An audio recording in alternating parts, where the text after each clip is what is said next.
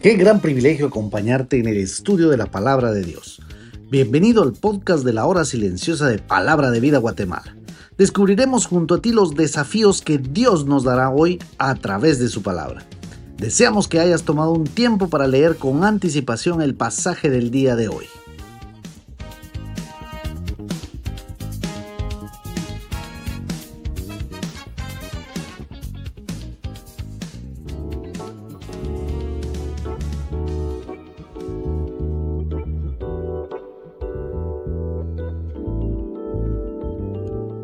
Estoy seguro que el Señor te ha estado bendiciendo mucho en este tiempo. El día de hoy, viernes, nuestra meditación se encuentra en el último capítulo del libro de Ruth y leemos la escritura. Vos subió a la puerta y se sentó allí. Y aquí pasaba aquel pariente de quien vos había hablado y le dijo, Eh, fulano, ven acá y siéntate. Él vino y se sentó. Entonces él tomó diez varones de los ancianos de la ciudad y dijo, Sentados aquí, y ellos se sentaron. Luego dijo al pariente, Noemí, que ha vuelto del campo de Moab, vende una parte de las tierras que tuvo nuestro hermano Elimelech. Y yo decidí hacértelo saber y decirte que la compres en presencia de los que están aquí sentados y de los ancianos de mi pueblo. Si tú quieres redimir, redime. Y si no quieres redimir, decláramelo porque yo lo debo saber. Porque no hay otro que redima sino tú, y yo después de ti. Y él respondió, yo redimiré. Entonces replicó vos, el mismo día que compres la tierra de la mano de Noemí, debes tomar también a Ruth, la moabita, mujer del difunto, para que restaures el nombre del muerto sobre su posesión. Y respondió el pariente, no puedo redimir para mí, no sea que dañe mi heredad. Redime tú, usando de mi derecho, porque yo no redimiré. Había ya desde hacía tiempo una costumbre en Israel tocante a la redención y al contrato, que para confirmación de cualquier negocio el uno se quitaba el zapato y lo daba a su compañero, y esto servía de testimonio en Israel. Entonces el pariente dijo a vos, tómalo tú, y se quitó el zapato. Y vos dijo a los ancianos y a todo el pueblo, vosotros sois testigos hoy de que he adquirido de mano de Noemí todo lo que fue de Elimelech y todo lo que fue de Kelión y de Malón, y que también toma por mi mujer a Ruth la Moabita, mujer de Malón, para restaurar el nombre del difunto sobre su heredad, para que el nombre de muerto no se borre de entre sus hermanos y de la puerta de su lugar. Vosotros sois testigos hoy. Y dijeron todos los del pueblo que estaban a la puerta con los ancianos, testigos somos. Jehová haga a la mujer que entra en tu casa como a Raquel y a Lea, las cuales edificaron la casa de Israel, y tú seas ilustre en Efrata, y seas de renombre en Belén, y sea tu casa como la casa de Fares, el que Tamar dio a luz a Judá, por la descendencia que de esa joven te dé Jehová. Tenemos una historia emocionante, con todas las características altos y bajos de una aventura idílica de amor. Notemos que no hemos hecho referencia a un par de enamorados. Dijimos una historia idílica de amor y es así. El amor eh, se ha podido notar a todas luces entre los personajes principales de la historia. Por cierto, esto no es un cuento, no es una invención de algún escritor de novelas de romance, es palabra de Dios. Y seguro hemos podido extraer muchas aplicaciones prácticas para nuestro diario vivir en los capítulos anteriores. Y esa historia de amor está por llegar a su desenlace.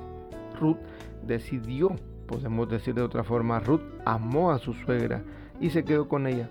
Ruth decidió ser parte del pueblo de su suegra y el Dios de esta también sería su Dios. Esto es amor. Ruth cumpliría su promesa hasta la muerte. Esto es amor. Vos ha recibido a una mujer que no conocía y ha decidido redimirla. Si no hay ningún impedimento. Sin conocerla, decidió hacerla su esposa. Esto es amor. ¿Había algo que Ruth pudiera dar a vos que tuviera tanto valor para redimirla? No, no tenía nada. Así eres tú y así soy yo. No tenemos nada. Pero el Cristo no estimó el ser igual a Dios como una razón para no amarnos, pero decidió acercarse a nosotros. Esto es amor. Demos un breve vistazo a lo que está ocurriendo en la historia en el capítulo 4. Vos amó a la Moabita y de ella había una ley en Deuteronomio 23. Esta ley prohibía que uno del Moab entrara en la congregación hasta la décima generación. Vos reúne 10 varones de los ancianos de la ciudad y bien podríamos decir que estos simbolizan la ley mosaica. Al ver que el pariente que por ley podría tomar el papel de Goel, lo llama ante sí mismo y los 10 ancianos. Y vos usa su astucia para hacer negocio con ese que ha llamado, eh, fulano, ven acá y siéntate. De seguro conocía su nombre porque era su familiar. Podemos decir que era parte de su estrategia para ser él mismo el redentor de la mujer que amaba. Su plan continúa astutamente. Como ya sabes, Noemí ha vuelto del campo de Moab y está vendiendo parte de las tierras de su difunto esposo Elimelech. Y te lo hago saber en presencia de estos ancianos. Y como tú eres el redentor según la ley, porque sus hijos murieron también, así que te toca. Y como decimos en buen chapín, ni lento ni perezoso, dijo, claro que sí, yo redimiré, y esas tierras serán mías sin problemas. Pero, dijo vos, porque siempre hay un pero, ¿verdad? Pero en el instante que redimas las tierras, debes tomar a Ruth la Moabita, que era mujer del difunto. Eh, eh, tranquilo, tranquilo vos, eh, no me hago responsable, no vaya a ser que arruine mi heredad. Porque decir que es moabita es un problema, porque dice que no podemos tenerla hasta después de 10 generaciones. No, no, gracias, yo paso. Mejor redimivos y santos sin novedad. Y como era costumbre, el fulano se quitó el zapato y se lo dio a vos como señal de que el trato estaba cerrado en buenos términos. El pariente no pudo redimir aquello que no tenía esperanza por ningún lado. El apóstol Pablo en la carta a los romanos nos dice en el capítulo 8 que porque lo que era imposible para la ley, por cuanto era débil en la carne, Dios, enviando a su Hijo en semejanza de carne de pecado, y a causa del pecado condenó al pecado en la carne. Nosotros somos incapaces de guardar la ley. Y ella nos dice que somos pecadores, pero Dios hizo posible nuestra redención, pero solo en los méritos de Cristo Jesús, que cumplió toda la ley.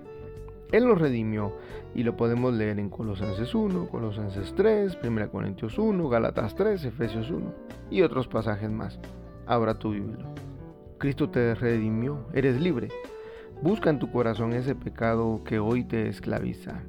Sé libre, ya no perteneces al dominio de las tinieblas. Dios te bendiga.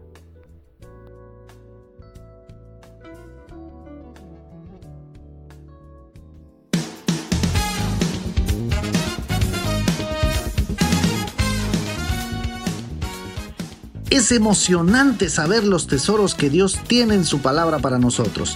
Ayuda a tus amigos a que descubran la voluntad de Dios para su vida. Comparte este podcast con ellos. No olvides seguirnos en nuestras redes sociales.